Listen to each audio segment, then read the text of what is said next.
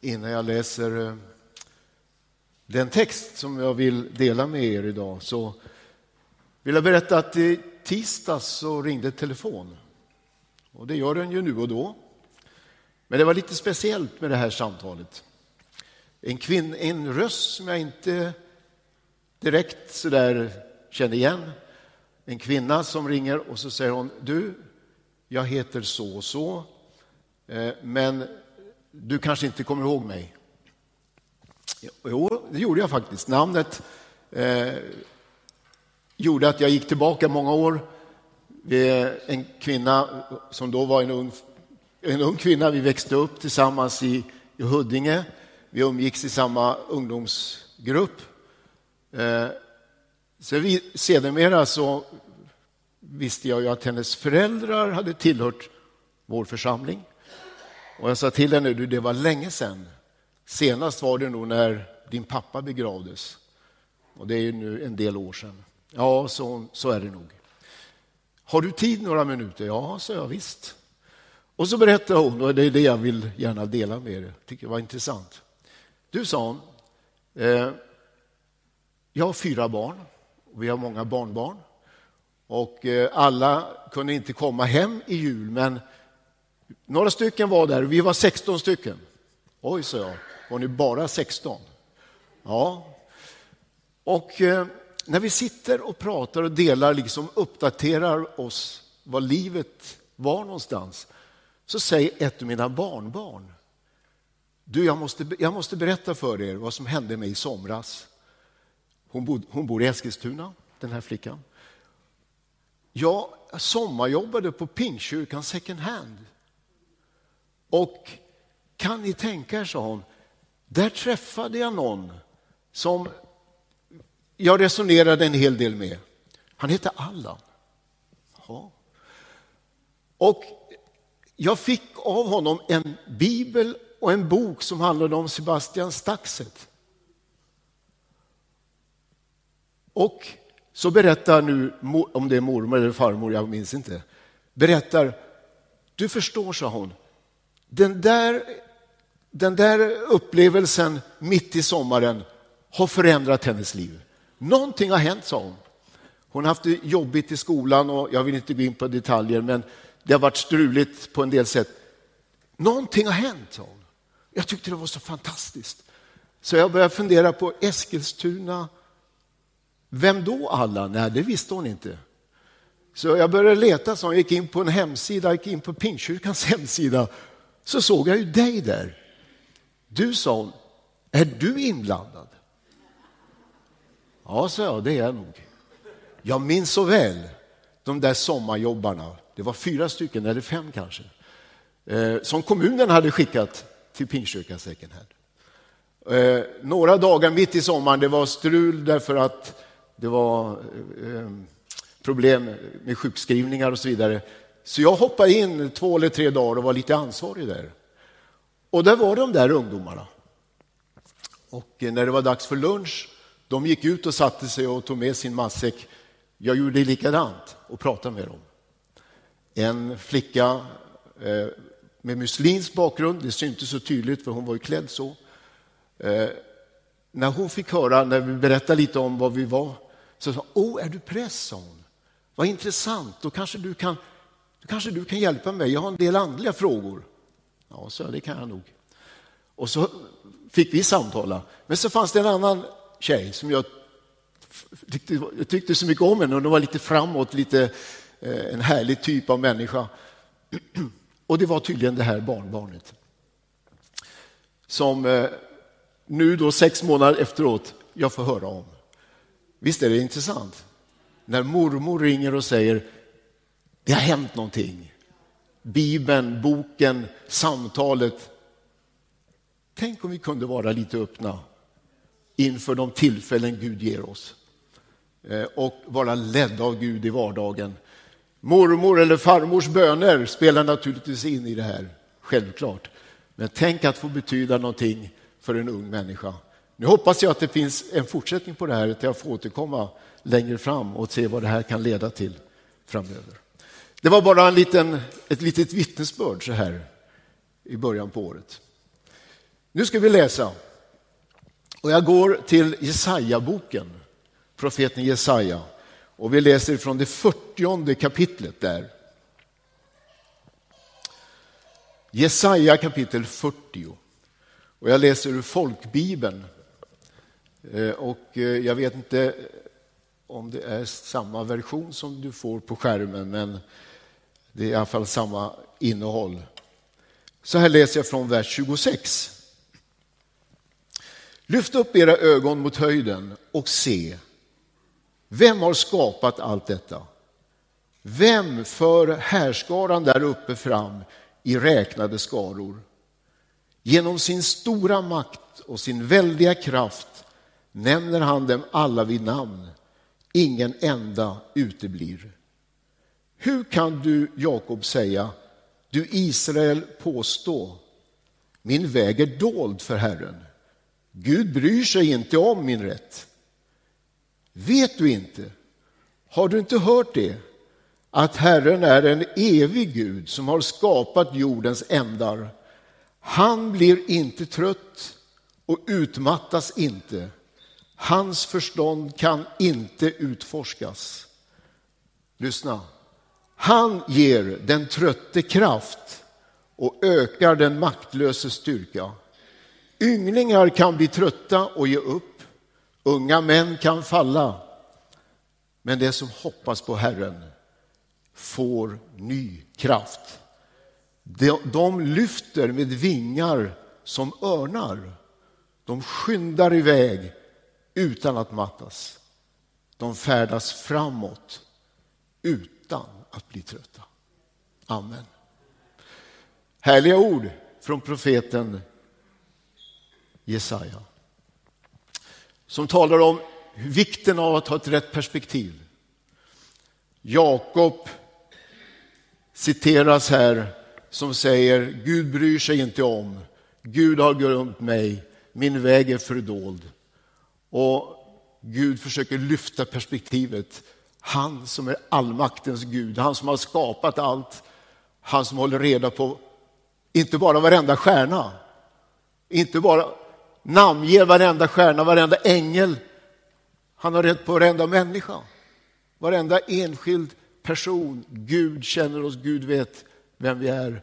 Och han tappar inte bort oss. Han inte ens slumrar och glömmer bort vilka vi är, utan han har oss i sin hand. Det här avsnittet talar ju om någonting för oss som vi alla vet, nämligen att vi blir trötta ibland. Och Det kan ju vara så i början av ett år att du börjar ett nytt år och känner inte riktigt den där inspirationen eh, utan kanske mer trötthet av det som har varit och det som är. Du vet, vi kan vara nedstämda, ungefär det som vi ser här. Gud bryr sig inte. Man är deppig och lite nere och sådär. Och det kan ju vara ett steg mer. Jag var i veckan och hälsade på en av mina döttrar och jag vet hur det är när vid småbarnsåldern när man inte får sova på nätterna och, och när barnen kräver sitt och arbete och, och ni vet, visst blir man trött.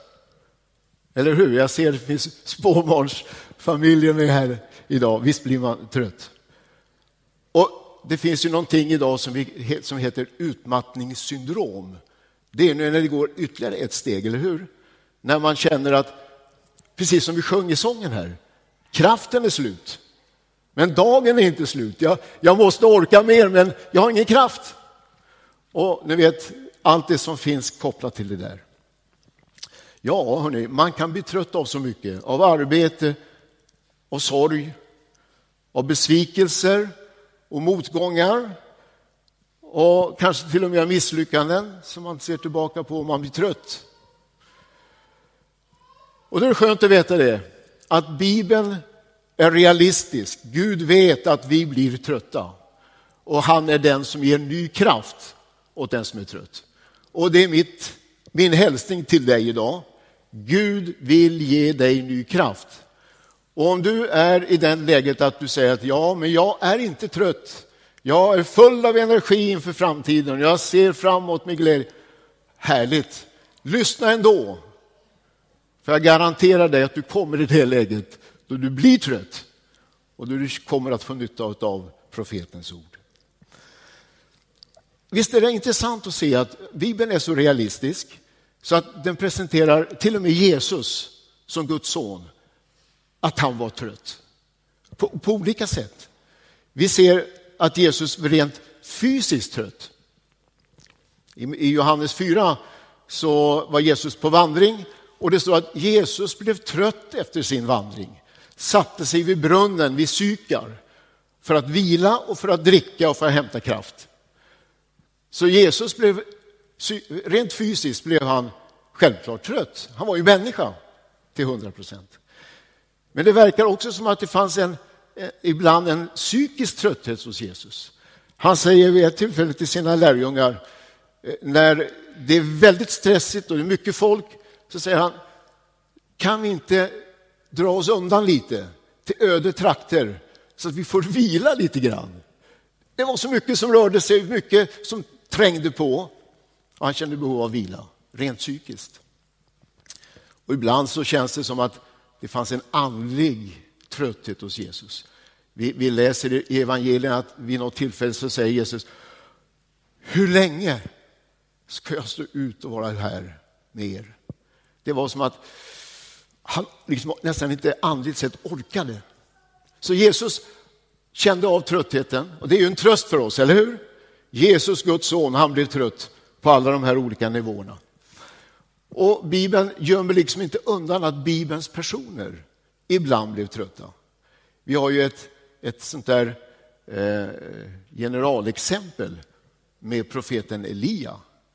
Ni vet han som, som eh, hade en sån andlig pondus så han utmanade alla de 800 avgudadyrkans präster uppe på Karmel. Och, och, ni vet att han som stod där som en förkunnare som fick se en nationell väckelse. Ett helt folk faller ner och bekänner Herren är Gud. Helt fantastiskt. Men allt det där han var med om och efteråt den där bönekampen som gjorde att regnet äntligen kom gjorde att han blev så trött. Och det står att han, han fick dessutom hot över sig. Han, det står att han går ut i ödetrakter, han lämnar sin närmaste vän och han går själv en dagsresa ut i öknen, sätter sig under en buske och säger Herre, nu är det nog, jag orkar inte mer, ta mitt liv nu. Jag har gjort det som du har bett mig om, nu, nu är det klart, liksom. jag, jag orkar inte. Och så lägger han sig och sover. Och jag tycker det är så intressant när, när Gud ska liksom utföra lite terapi på sin trötte tjänare. Vad gör han för någonting? Jo, han låter honom sova. Jag vet inte hur länge han ligger och sover där. Men han sover, han var trött, behövde sova. Och så skickar han en ängel som lite varsamt säger, ursäkta Elia, du behöver kanske äta lite också. Så Elia tittar upp lite sömndrucket, ser och känner doften framför allt av nybakat bröd. Och så ser han ett, ett krus med kallt, friskt vatten där ute mitt i öknen. Och han äter och han dricker och han lägger sig och sover igen. Och ängeln tänker bra, han behöver vila, han behöver sova. Och där sover han och vi vet inte hur länge, vi vet inte tidsperspektivet riktigt. Men till slut så väcker ängeln honom igen och säger du, här finns det ny mat, nygräddat bröd, fräsch, färskt friskt vatten, varsågod, drick, ät. Och nu så ger det honom så mycket energi. Eh, eh, så det, liksom den här vardagliga omsorgen och eh, det som behövs för vår både psykiska och fysiska hälsa, allt det där tillsammans med en övernaturlig ingrediens gör att han äter, han dricker och han går stärkt av den maten, står det, till mötet med Gud. Och så händer någonting intressant, vi ska inte gå in på det nu. Så han fick ny kraft för nya uppgifter. jag tycker det är så skönt när ängeln kommer till profeten. Han kommer inte och säger det. Elia, ligger du här? Du som stod på Karmel, du som utmanade, du som var väckelsepredikant, nu ligger du här. Upp och hoppa, ligg inte här. Nej, inga sådana förebråelser. Och inga pekpinnar liksom, utan Gud lät honom vara och sova och äta och dricka och samla krafter. Gud kom inte heller med sån där hurtfrisk peptalk. Kom igen, ligg inte här, du ska se att du vet, nej. Utan Gud behandlade honom på det här fantastiska sättet tycker jag. Och så går Elia mot framtiden med nya uppgifter. Han får konkreta uppgifter och han är inne i liksom en ny tid med ny kraft och med ny inspiration. Så Jesus vet, han var människa, han vet hur det är att vara människa, han vet att vi blir trötta, han vet våra villkor. Gud som har skapat oss, han vet att vi är bräckliga. Det står han tänker därpå att vi är stoft, vi är, vi är bräckliga människor och vi blir ibland både svaga och trötta. Men då är det väl ljuv musik, eller hur? När det står han ger den trötte ny kraft och han förökar den maktlöse styrka. Och så kommer det in ett, ett ingrediens i den här texten som jag tycker är så spännande. Det talas nämligen om örnen. Lade du märke till det? Det står att ynglingar kan trötta, bli trötta och ge upp. Och ibland så frestas man ju att ta det här väldigt personligt. va? Man talar om ynglingar och unga män. Men man förstår att det, det, det gäller oss alla. Men till och med unga män kan falla. Men de som hoppas på Herren får ny kraft. De lyfter med vingar som örnar. Visst är det härligt? Jag är så tacksam för att det är örnar vi pratar om här. Att det inte står att de, de får nya vingar som hönorna får. Det är också fåglar, eller hur? Men de går där innanför sitt bestämda område, pickar nere på marken och ni vet. Och det står inte heller de får nya fjädrar som gråsparvarna. De är härliga att se på, eller hur? Vid, vid fågelmatningen. De är så fina. Men det, det, är så begränsat ändå. Det är så... Här talas det om örnarna. Ni vet, dessa mäktiga fåglar som lever uppe i med, med vyer, med perspektiv, andas klar luft, ser längre än andra gör, ser nya vyer. De får nya vingfjädrar fjädrar som örnarna. Frihetens symbol, kraftens symbol. Jag gillar att det står så. Nu är jag ingen ornitolog alls. Eh, jag har svårt att känna igen olika fåglar. Men jag har hämtat lite uppgifter, dels av de som kan det här, men också från uppgifter som vi har på, i våra, datorer. Eh, ni vet, örnen har många intressanta egenskaper, det, det, vet vi ju alla. Bland annat så har de en fantastisk syn. Örnen har en klarsyn som vi avundas dem verkligen.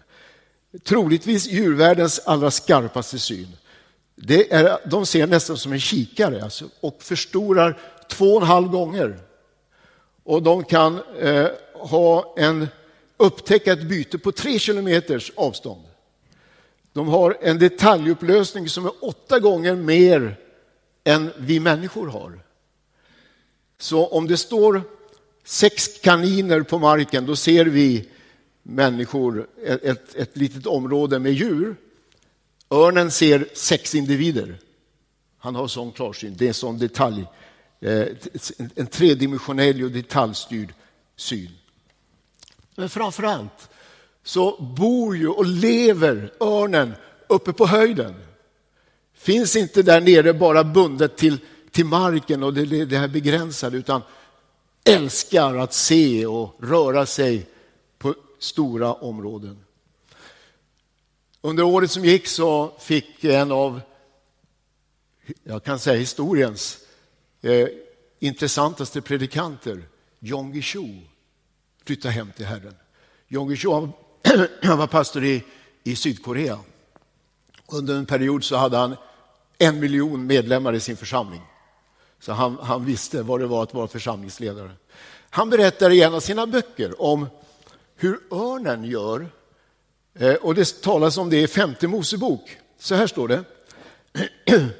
Som en örn väcker upp sitt bo och svävar över sina ungar, så bredde han ut sina vingar och tog emot honom och bar honom på sina fjädrar.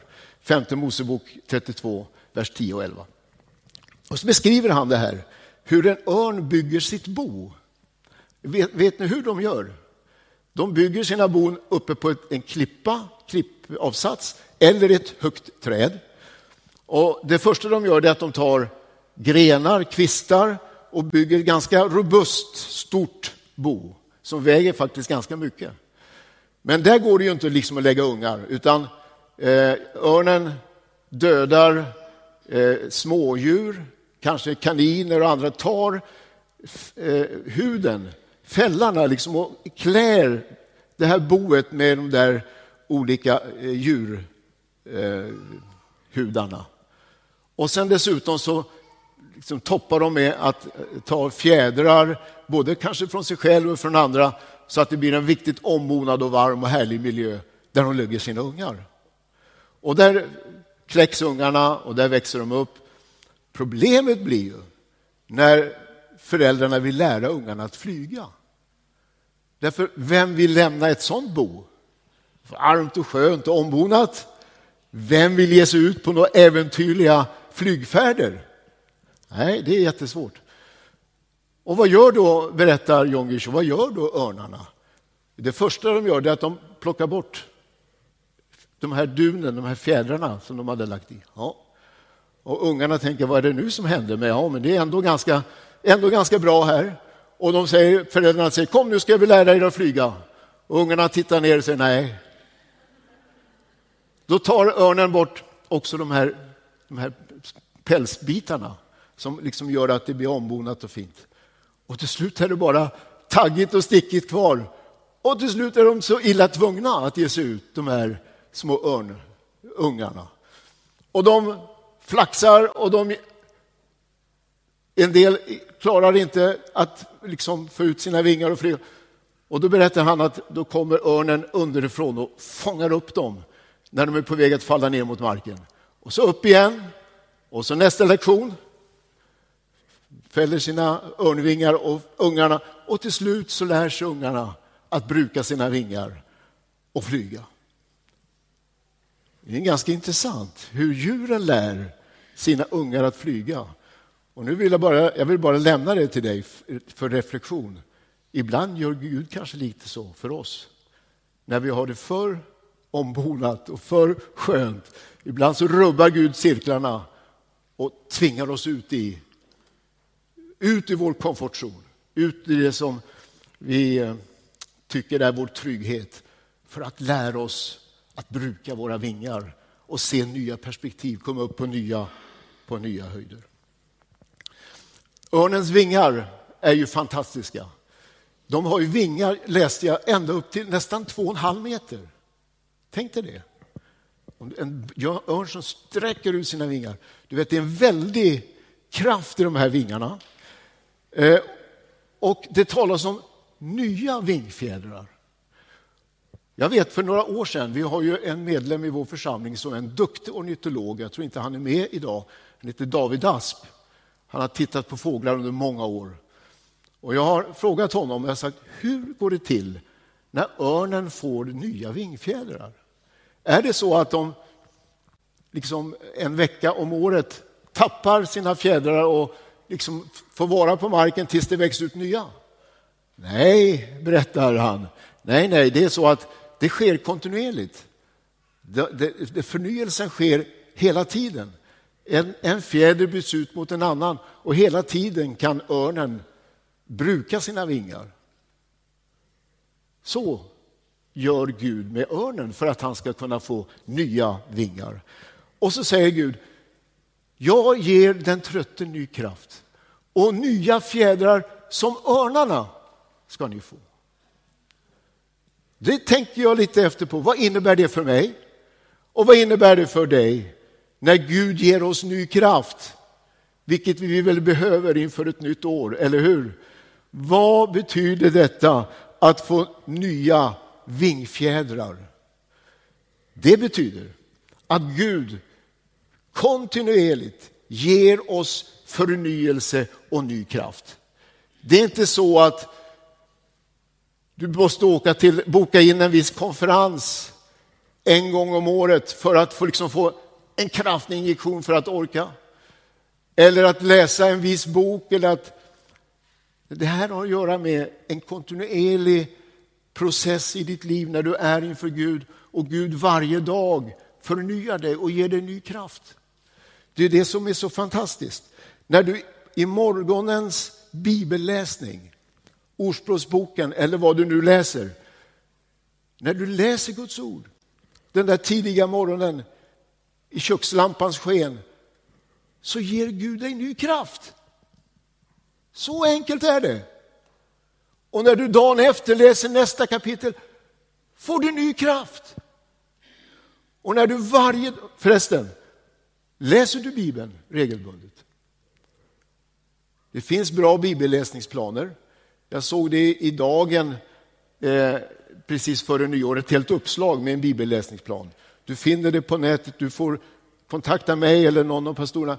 Det finns väldigt bra sätt att, få, att läsa Bibeln om du har, tycker du har svårt med den strukturen. Eller börja läs Bibeln. Men läs den varje dag. Det är på det sättet Gud ger dig ny kraft för den dagen som kommer, för veckan som ligger framför. Och när du tar din dagliga bönestund och ber till Gud och lyssnar vad han säger. Det är då han förnyar dina fjädrar. Det är då han ger dig ny kraft. Förstår du? Och när du är med i församlingen, som du är här idag. Du sitter och lyssnar till Guds ord, du är med och sjunger. Antingen här eller via vår utsändning. Du är med. Det är på det sättet Gud förnyar dig. Det är så du får ny kraft. Och när vi alldeles strax tar del av brödet och vinet och vi minns Jesu död och hans uppståndelse, det gör det här ofta. Det är så vi får ny kraft. Ny kraft, nya vingfjädrar för uppgifter för dagar som ligger framför oss. Romarbrevet 12 säger, ni känner igen de här verserna, jag uppmanar er vid Guds barmhärtighet att frambära era kroppar som ett levande och heligt offer som behagar Gud, er andliga gudstjänst. Anpassa er inte efter den här världen, utan låt er förvandlas genom förnyelsen av ert sinne så att ni kan pröva vad som är Guds vilja, det som är gott och fullkomligt och behagar honom. Denna andliga gudstjänst, det var en, i templet, det var en daglig gudstjänst. Det gjorde man varje dag, man förde fram offer, man bad. Och det är det som Bibeln säger här. Du förnyas, ditt sinne förnyas därför att du dagligen umgås med Gud och du låter dig påverkas av honom genom hans ord och genom bönen. I andra Korintierbrevet 10 så står det eh, Därför ger vi inte upp även om vår yttre människa bryts ner.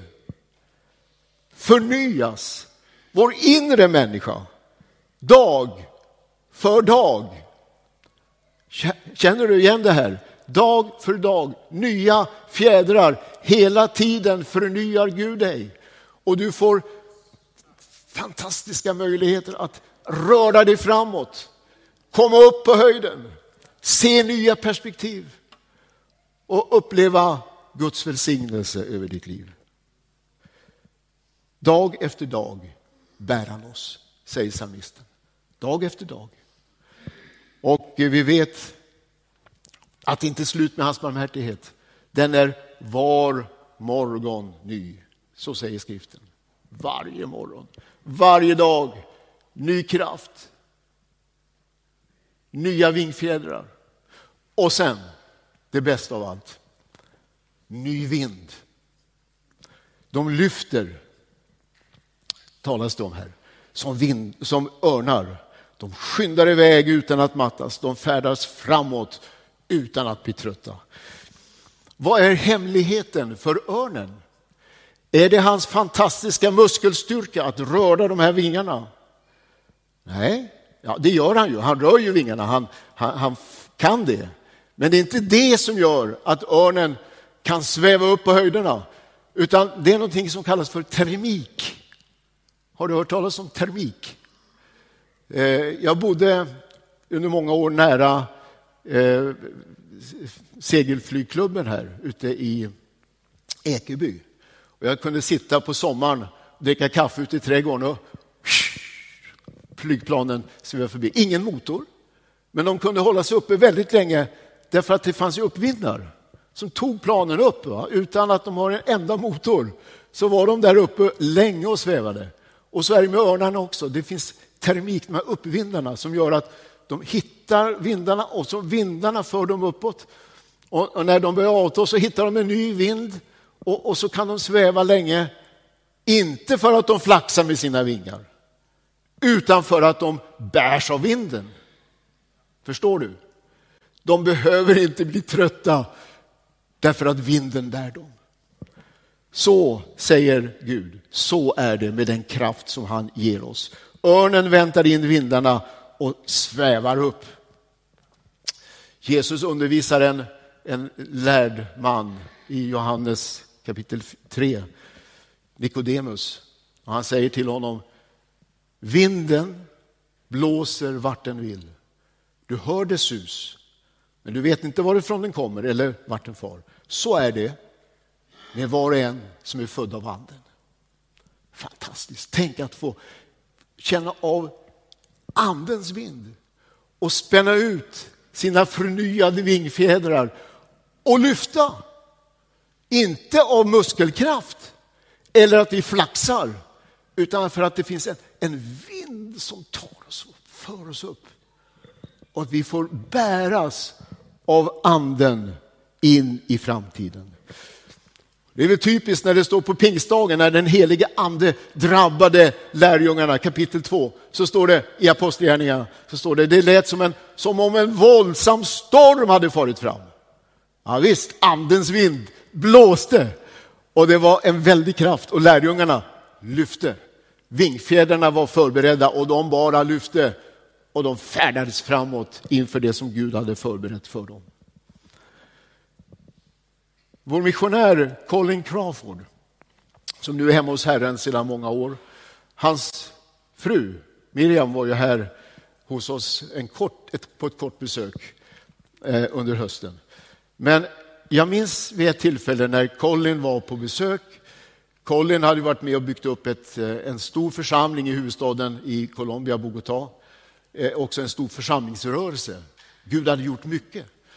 Och jag, jag minns vi satt i bilen på väg mot Stockholm och jag säger till Colin, jag glömmer det aldrig, jag säger du Colin, du känner ju Sverige, du känner det andliga livet i Sverige, du känner vår församling. Vad kan du ge mig för råd för att vi ska få uppleva att, att, att vi ska få, få se en andlig rörelse och att vi kan få se likadant det ni har upplevt i Bogotá? Och då säger han så här, du Allan, sa han, se till att ha seglen hissade så att de är uppe när det börjar blåsa. Jag glömmer det aldrig. Håll seglen uppe, så när vinden kommer så är det att sätta av, eller hur? Och för att föra över den till den här bilden, ha dina vingar förnyade. Och när vinden kommer, god resa, upp. Du ska se vad Gud vill göra genom dig. Vänta på Gud. Den som hoppas på Gud får ny kraft. Den som väntar på Gud. Att vänta på Gud är ju inte att liksom passivt rulla tummarna och säga ja, får se om Gud vill och Gud kommer. Och att vänta på Gud är någonting helt annat. Det är att söka Gud. Det är att, att, att, att i skriften, i bön, att söka Gud. Och då ger han oss nya vingfjädrar. Och vi känner andens vind. Och den här kombinationen gör att vi får ny kraft och lyfts upp Inte av vår egen muskelkraft eller vår andliga ansträngning, utan därför att vi låter oss uppfyllas och bäras av den helige Ande. Vi blir beroende av den helige Ande. Du, idag finns det många vindar som blåser. Jag tror att du känner av dem. De finns det vi kallar ute i världen. Väldigt mycket vindar som blåser just nu. Även på det andliga området så finns det strömningar och vindar. Allt det där är inte ah, andens vind, inte ens i de andliga sammanhangen. Var försiktig och se till att du väntar in den heliga ande och andens vind.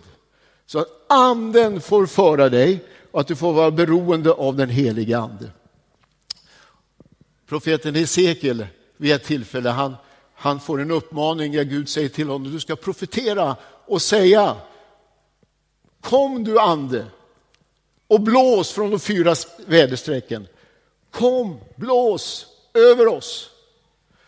Och tänk om vi skulle få profetera inför ett nytt år. Herre kom, ande kom, blås över Eskilstuna, blås in i våra liv. Förnya oss, ge oss ny kraft, nya vingfjädrar, hjälp oss att lyfta. Att vi inte blir markbundna utan vi får lyfta och se och uppleva nya ting. Färdas framåt som vi läste. Framåt. Jesus kommer snart. Det finns mycket kvar att göra innan han kommer. Vi har en uppgift att fullborda. Vi behöver nå Eskilstuna med evangelium.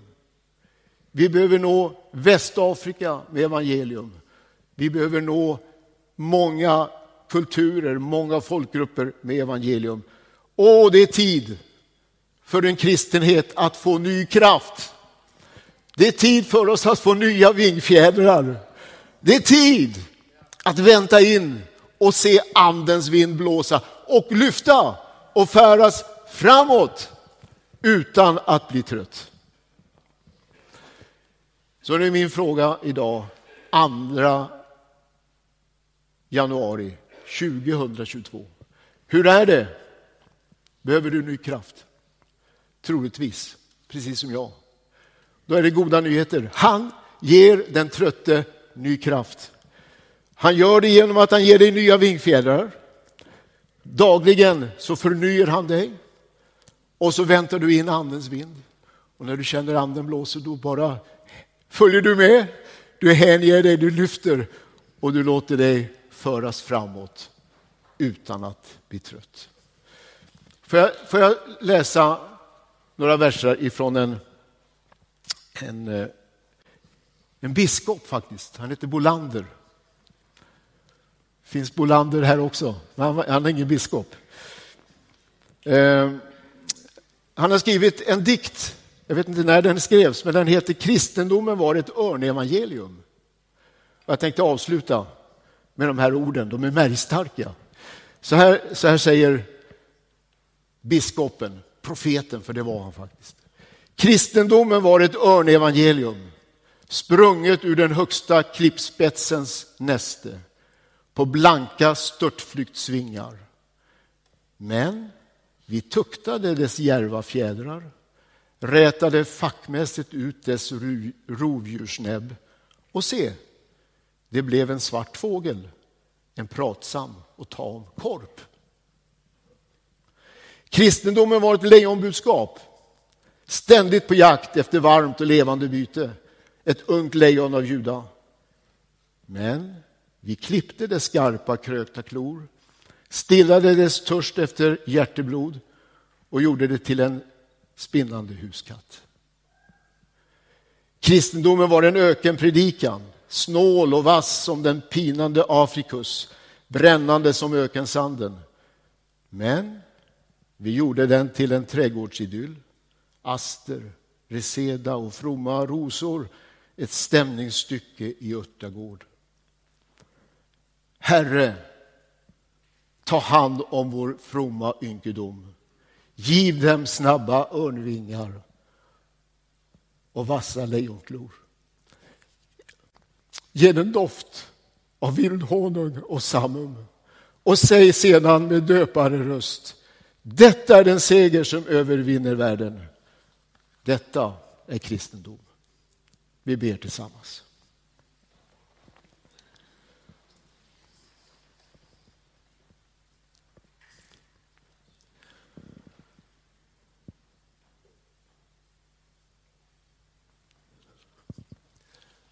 Tack Herre att du ger den trötte ny kraft.